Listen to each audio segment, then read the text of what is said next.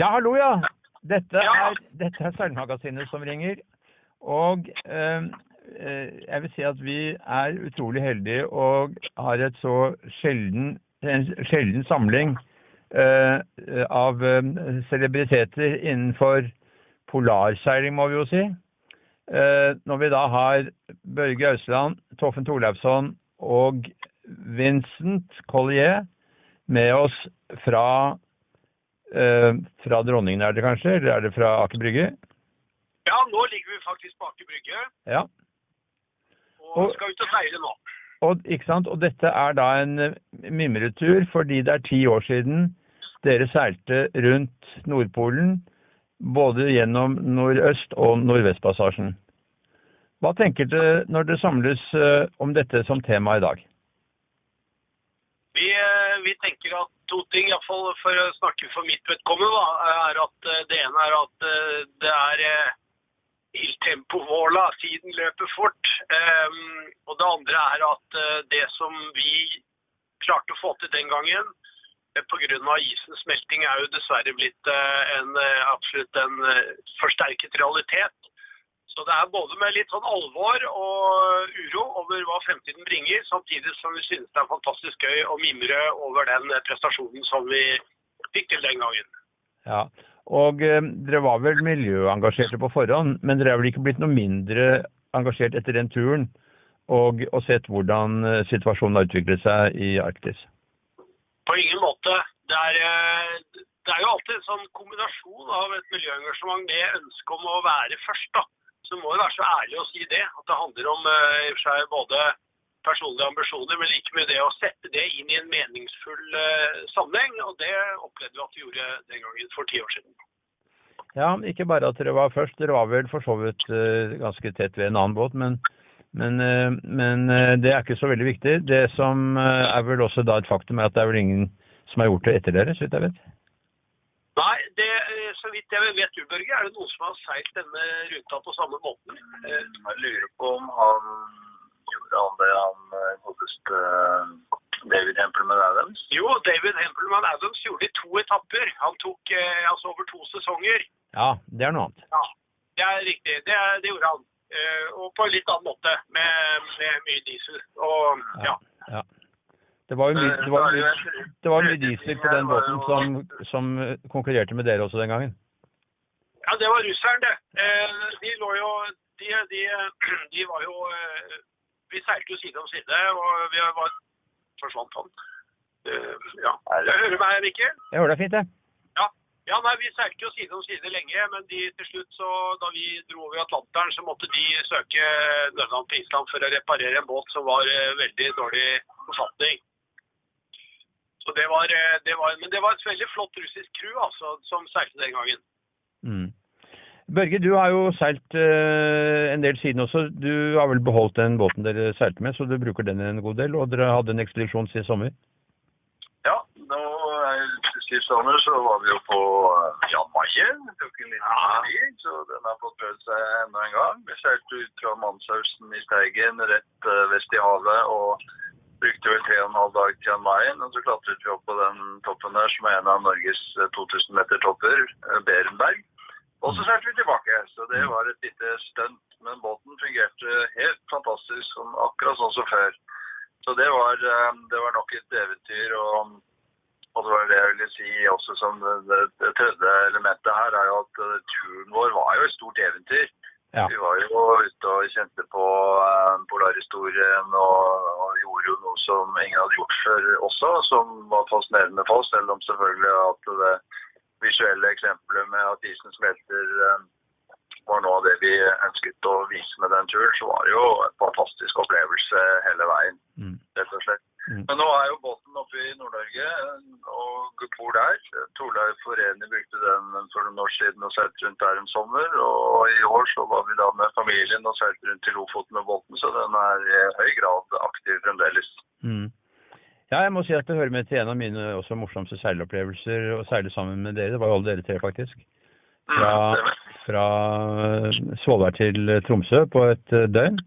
I ganske frisk vind. Ehm, og, eh, og da så jeg litt hvordan dere forbereder dere til denne turen. vil jeg si, med, med varsomhet. Jeg eh, stusset jo litt over at dere var så forsiktige som dere var, men, men det var selvfølgelig et godt poeng at det var ikke nå det gjaldt. Det var eh, gjaldt å ta, vare på utstyret, slik at det kunne stå imot det som eventuelt måtte komme senere. Det er helt riktig, men altså, du syns vi var varsomme. Men uh, dette er jo en uh, Jeg vil si at det er broder Børge her som er uh, den langsiktige, kjølige hjernen når det gjelder det å roe ned. Ja. eh, på eh, å ikke være for ivrig i starten. Mm. Så der, eh, der var jo hans erfaring veldig bra å ha inn i bildet, altså. Ja. Um, Børge, du, du har jo vært veldig synlig på ditt miljøengasjement og din bekymring over uh, uh, hvor hurtig isen har smeltet opp i nord. Har det gått fortere enn det du hadde fryktet? Nei, det har vel egentlig gått sånn som jeg fryktet. Det blir jo mindre og mindre is. Og nå i år så er vi på det nest laveste som noensinne har vært målt. Det var bare 2012 som var, var et sånt ekstremår som, hvor det var enda lavere. Så vi bundet nesten eh, det. Toppet nesten det. Eh, og det er jo blitt 30-40% mindre is siden jeg begynte med dette her på begynnelsen av 90-tallet. Så det går jo egentlig bare én vei med, med isen i Arktis. Det vil alltid være is i, om vinteren der oppe, men den uh, helårsisen som har drevet der eh, tidligere i årevis eh, og er en del av, av eh, ja, hele økologien der oppe, rett og slett, den er i ferd med å forsvinne. Tror du at det kommer et tidspunkt hvor du kan seile rett over polpunktet? Eh, om sommeren, ja, det tror jeg faktisk. Jeg tror det. På et eller annet tidspunkt eh, i september um, eh, i fremtiden så tror jeg det er mulig å gjøre det. Eh, I spesial, spesielle år så er det faktisk eh, kanskje ja, 10-20 år muligens allerede da. Mm. Ja, vi snakket jo forleden om å sette den bedrøvelige rekorden å være først til å seile over der, da. Det er jo en, eh, en prestasjon med bismak. Det lar vi andre gjøre. Det lar vi andre gjøre. Ja, ja. ja. Ja, det er, det er klart at uh, Vi snakket jo om uh, å prøve å organisere en uh, seilas rundt Nordpolen og lage det til en slags regatta. Det er jo stadig mindre aktuelt. både av politiske og, og klimamessige årsaker. Så i dag er det vel ingen som egentlig tenker så mye på det. Men du har jo seilt sammen med denne japaneren i en stor trimaran. Han var dessverre så uheldig å forulykke i Stillehavet, men du hadde jo en ekspedisjon du, eh, Torleif, hvor du seilte med han fra, fra ja, han var, eh, han var kineser. Kines, Kineser. Unnskyld meg. Ja. Han var kineser, selvfølgelig. Ja. Men dere Ja. seilte jo da til, eh, til Qingdao, dere fra, fra Altså, det var et crazy prosjekt, og han overtok den 100 fots maranen i, i Frankrike. La Trine sur Mer. Eh, Det var jo den gamle, flotte båten ikke sant, som, eh, som eh, jo, hadde gjort en rekord som seilas rundt jorda. Og skulle ruste den ut for å seile eh, på en måte The Arctic Silk Route da, gjennom Nordøstpassasjen til Kina. Det fikk han jo til. Men han falt jo dessverre over bord under et forsøk på å seile solo eh, fra eh, San Francisco til Shanghai. Eh, Og forsvant, og, og båten seilte jo sin egen sjø på autopilot etterpå, så det var jo ganske trist. Ja. Det hele da. ja. Men du seilte jo med han en god del da på den uh... Ja da, det var jo eh, kjempemoro. For at han hadde jo leid seg noen uh, veldig dyktige franskmenn. Eh, og, så det var en bratt lærekurve, men vi drev jo og kjørte tester i Norskehavet og seilte på vind, og det var veldig morsomt, altså. Ja, han kjøpte til og med landsted, en liten hytte i, i Kirkenes, denne kineseren. Altså, for han syntes det var så fantastisk at det var hus av tre og steder hvor det var fredelig og stille.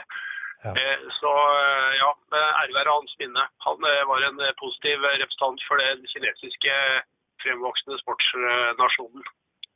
Ja, man kan si fremvoksende seilnasjon, for det skjer jo mye der Ja. på seiling. Absolutt, det var det. Mm. Men øh, Børge, du hadde seilt øh, før, så dette var ikke noe nytt, ny opplevelse for deg. Men, men det å seile med Toffen på en sånn tur, hva vil du si om det? Det er faktisk ikke første gang, det er tredje gangen vi var på seiltur. For vi seilte nemlig til Shetland. Det må vel ha vært i 2015, var det ikke? Ja, litt alltid på tur, men det var hyggelig. Det var eh, med litt mer rødvin om bord og sånt, men eh, veldig hyggelig tur. Da seilte vi til Shetland fra Kristiansand. Ja.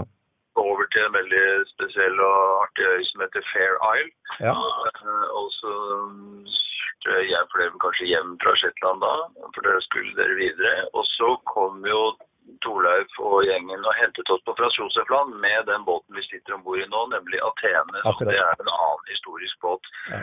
Og da seilte vi den fra fra Soseplan og til Murmansk og til Bodø, hvor jeg da syklet hjem fra Ja. Bodø. Ja, det gjorde det. Vi hadde til sykkelen hengende på hekken. Det er ikke alle som har seilt eh, over Barentshavet med sykkel på hekken. Og den Det sykkelen har jeg ennå. Nei.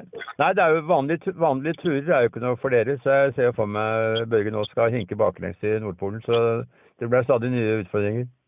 Nei da, vi stopper på et eller annet fornuftig tidspunkt. Men da, eh, tilbake til spørsmålet ditt. Veldig, det har vært veldig bra å seile med Torleif. Og han har den, de grunnleggende seilegenskapene som man har fra garten, så gammelt av Sjøkrigsskolen og Forsvaret og jolleseiling og alt det som ligger i bånn. Og det merkes veldig godt på hvordan han håndterer båt og leser været og, Mm. og klarer seg på sjøen, egentlig. da. Mm. Så, og kan det med motor og all- alle de tingene som hører med. Det er Men- ikke bare det på overflaten, men det er helt ned til kjølen som han har full feiling på. Det, det, det tror jeg deg på. Men det er selvfølgelig seilingen i det høye nord som eh, har appellert til dere begge. Ja, det er jo et lite sånn sus over det. Hvis du leser litt eh, polarhistorie, så kommer du ikke unna at eh, hav og sjø og is eh, det hører sammen med hardbarkende polarkarer. Så vi prøver liksom å luske litt i fotsporene da, og syns det er fascinerende.